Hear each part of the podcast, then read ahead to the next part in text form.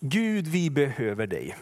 Det där är ju en bön som bes och har betts på alla möjliga sätt. Och jag, det är ju så att mötet med Jesus, det är själva utgångspunkten för det kristna livet. Det är så grundläggande, men det kan behöva sägas gång på gång, att det är mötet med Jesus som är liksom utgångspunkten. Erfarenheten av att jag är sedd och jag är älskad av Gud.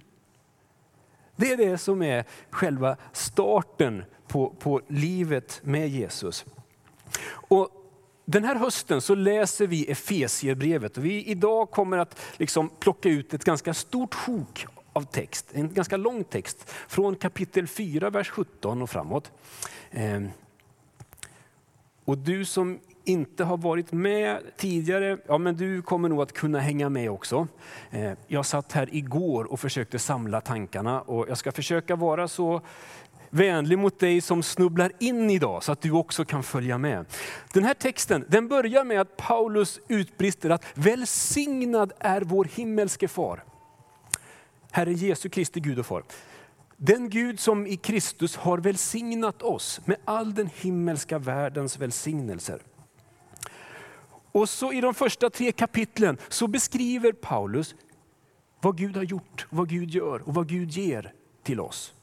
Och så landar han i kapitel 3 i att han ber för oss. Och han ber att vi tillsammans med alla de heliga ska förmå fatta bredden, längden, höjden, djupet och lära känna Kristi kärlek som är väldigare än all kunskap tills hela Guds fullhet uppfyller er. Alltså det här är det är en jublande exposé. Det är som ett vidvinkelperspektiv på det Gud gör och det Gud ger. Och så kommer vi till kapitel 4. Den här framställningen den skiftar karaktär. Från att i tre kapitel har varit någon slags teologisk proklamation så övergår det till någonting annat. Någonting mer som kanske kan kallas för andlig vägledning. Och de här tre sista kapitlen, den andra delen av den här korta bibelboken, det är bara sex kapitel. Så de, den andra delen, den handlar egentligen om frågan hur lever vi våra liv utifrån att vi är älskade av Gud.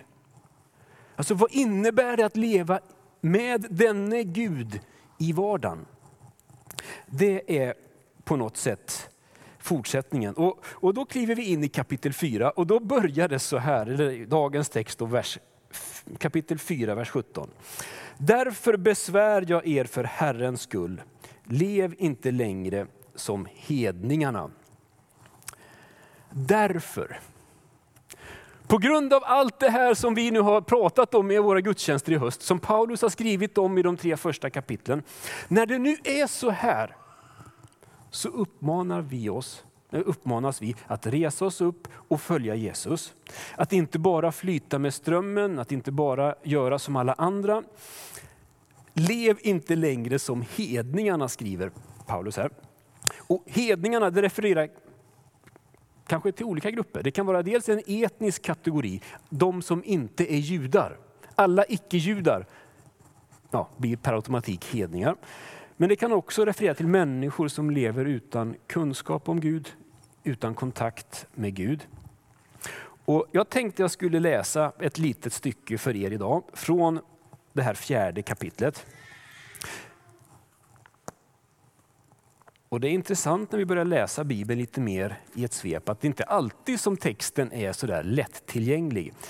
Jag tror vi står upp tillsammans och så lyssnar vi till bibeltexten från Efesierbrevet kapitel 4, vers 17 till 23.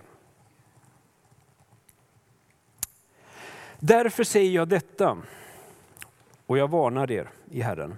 Lev inte längre så som hedningarna lever. Deras tankar är tomhet och deras förstånd är förmörkat.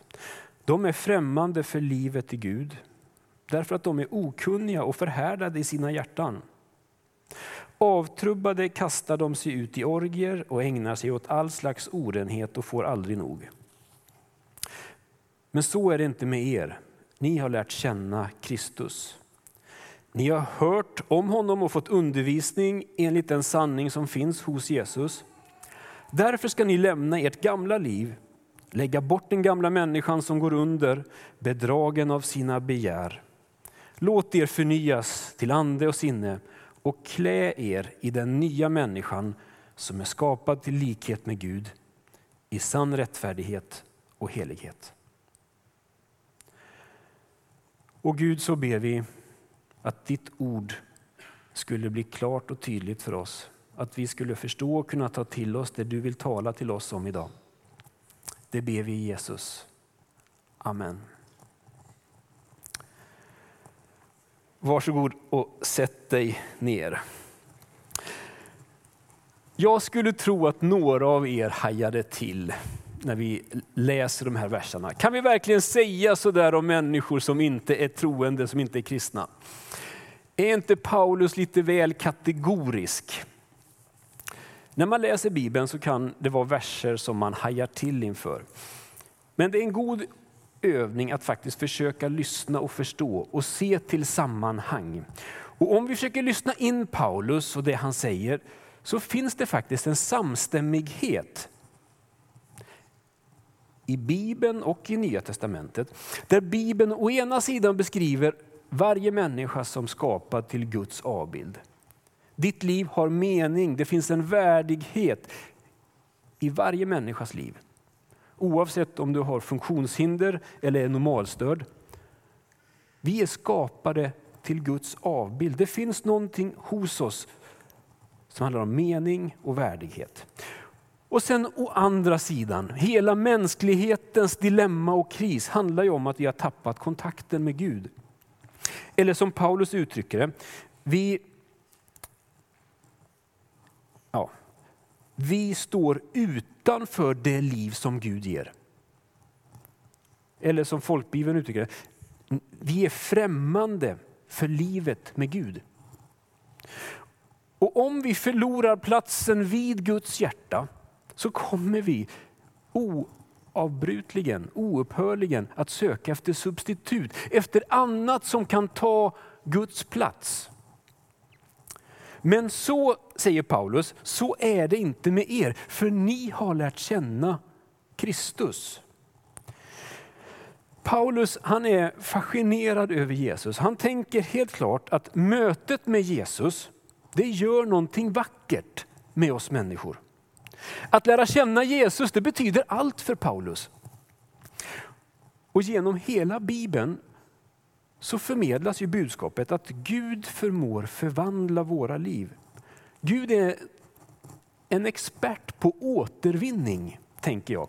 Det finns ju program på tv, och det här tror jag att vi alla har sett faktiskt. Program som handlar om hur människor får sina hem omgjorda eller renoverade. Det är någon engagerad, inte många, men ett helt gäng engagerade hantverkare som kliver in och tar sig an det där som tycks helt utslitet. Helt nedgånget. Ibland så är det ren misär. Och det är fascinerande att se hur de här hantverkarna förmår att förvandla det där som är trasigt och slitet till någonting som både fungerar och är fint. Och i slutscenerna i de här programmen så brukar de visa upp, så här var det innan, så här är det nu. Och jag tänker att den här texten vi läser idag är på något sätt som ett sånt tv-program. Där Paulus försöker måla upp vad Jesus förmår göra med våra liv. Jesus förmår ta skärvorna av det som har gått sönder i våra liv och göra det till någonting vackert. Av det trassliga, av det trasiga, så får han, förmår Jesus att, att någonstans forma en vacker mosaik. Till och med det smärtsamma och det svåra i våra liv kan på ett förunderligt sätt bli till råmaterial i Guds verkstad. Det här har Paulus egen erfarenhet av. Och vi skulle kunna prata med varandra om hur Gud faktiskt har gjort det också i våra liv på många olika sätt. Och Paulus han är, han är entusiastisk, han är rent av översvallande. Det är som att orden inte räcker till när han försöker beskriva vad Gud vill göra med oss. Det är med breda penseldrag som han målar upp vad Gud förmår att göra. Kapitel 3 avslutas ju med orden att han som verkar i oss med sin kraft. Han som förmår göra långt mer än vi kan begära eller tänka. Hans är härligheten genom kyrkan och genom Kristus Jesus i alla släktled i evigheters evighet. Så avslutas kapitel 3 och vi kliver in i kapitel 4 och det sker ett perspektivbyte. Tidigare så har ljuset fallit på den treenige, på Fadern, Sonen och Anden. Och nu så faller ljuset på oss. Jag har tänkt i veckan att övergången från kapitel 3 till kapitel 4, det är som att köra över Östra promenaden. Man hoppar liksom till. Det är massa hål i vägen. Det är ingen sån sömlös övergång utan språket ändras. Och plötsligt så börjar Paulus använda massa negationer. Man skulle kunna tänka sig att Paulus skulle vara lika entusiastisk över oss och det vi har att bidra med. Liksom, nej, nu Gud har gjort det här, men kom igen, gör stora ting för Gud. Men det är inte så han skriver. Nej, vad som kommer det är liksom, lev inte längre som hedningarna. Alltså när man läser det så hajar man ju till. Och från vers 25 så listar liksom Paulus då sju saker. Vad innebär det att leva annorlunda? Vad är det?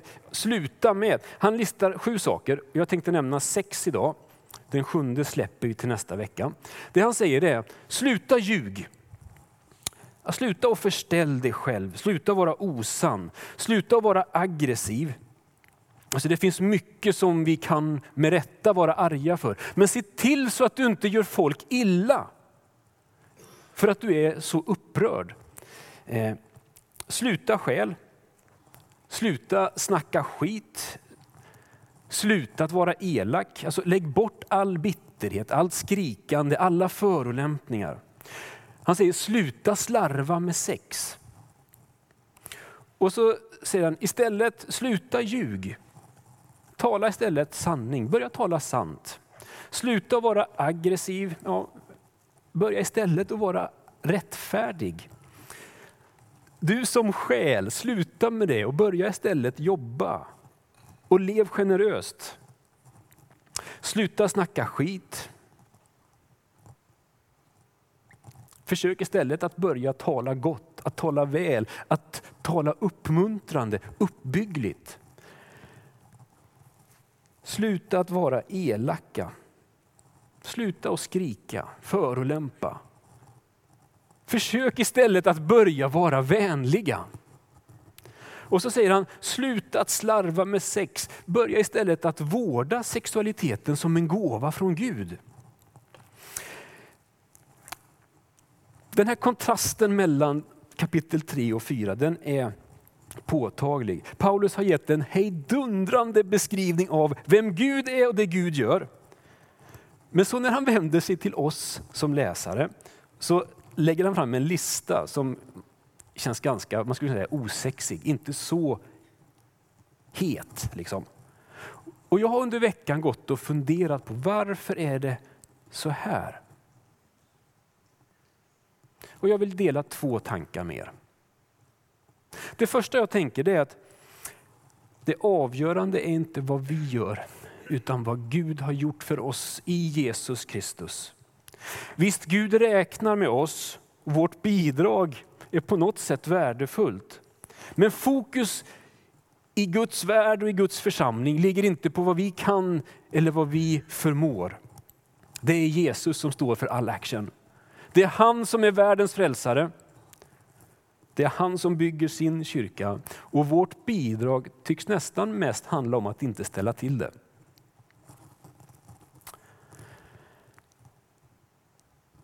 Den andra tanken är att vår gemenskap och våra relationer har kanske ett mycket större värde, en större betydelse än vad jag, än vad vi kanske emellanåt tänker. Alltså hur vi lever och relaterar till varandra spelar roll. Pingstpastorn Egil Svartdal han har uttryckt det så här. Att jag tror att det som sker i församlingen på relationsplanet är bland det allra viktigaste. Goda relationer är helt avgörande för växt och utveckling. Och Det gäller både vår relation till Gud och till varandra. Så när Paulus blir konkret med oss så gör han det genom att bidra eller visa på hur vi kan bidra till att vårt sammanhang blir en god plats att vara på. Där Gud kan möta med oss, där vi kan växa och utvecklas. Det gör skillnad om vi talar sanning, om vi agerar rättfärdigt, om vi lever generöst, om vi talar väl, om vi är vänliga, om vi vårdar sexualiteten. Det spelar roll. Tidigare var ni mörker, läs, läser vi i kapitel 5. Men nu är ni ljus i Herren. Lev då som ljusets barn. Och så har Bibel, folkbibeln en liten intressant översättning av vers 10. Där de skriver, pröva vad som gläder Herren. Vi har svårt för olika saker. När Paulus listar saker som han uppmanar oss att sluta med så var det säkert troende i Efesos och också senare som har hajat till och tänkt det här är svårt. Jag har svårt för det här. Men då säger Paulus till oss, pröva vad det är som gläder Herren. Tidigare var ni mörker, nu är ni ljus. Pröva att agera och leva utifrån det Gud har gjort för er. Pröva, börja med det. Våga ta steg i det här. Och förutsättningen och motivationen till de här uppmaningarna ligger i det Gud har gjort. Jag skulle vilja att du hör det. Förutsättningen och motivationen ligger i det Gud har gjort. Var goda mot varandra, visa medkänsla, förlåt varandra. Skriver Paulus. Varför då? Jo, för att Gud har älskat och förlåtit oss. Var goda, medkännande och förlåtande, liksom Gud har förlåtit er i Kristus. Så när vi funderar på om vi kan eller ska förlåta vår nästa eller inte, så får vi påminna oss om att Gud har förlåtit oss. Och förhoppningsvis så gör det oss lite modigare, lite mer motiverade att faktiskt också vara förlåtande mot den som står i skuld till oss. Mikael Telbe en enastående bibellärare, han har uttryckt att Paulus etik är en tacksamhetsetik. Grunden, motivationen till ett kristet liv, det är tacksamheten till det Gud har gjort för oss. I tacksamhet så väljer vi, vi tvingas inte, vi väljer att följa Jesus från Nasaret. Och Paulus säger, lev i kärlek så som Kristus har älskat oss och utlämnat sig själv för vår skull. Konsekvent så förankrar Paulus sina uppmaningar till ett kristet liv i det Gud har gjort för oss. Ni har lärt känna Herren. Det är där det börjar. Det är där det börjar. Och när vi samlas till gudstjänst så är det för att fortsätta lära känna Herren. Han som är mitt ibland oss när vi samlas i hans namn. Och Rickard och David, vill ni komma fram? Vi ska strax fortsätta att sjunga någon, några lovsånger till. Och när vi gör det så vill jag också ta tillfället och bjuda in oss alla att be. Att bara vara i Jesu närhet. Jag vill bjuda in dig som har snubblat in här idag kanske. Jag känner absolut inte er alla, men är du här och du inte har sagt ditt ja till Jesus så kan du göra det idag.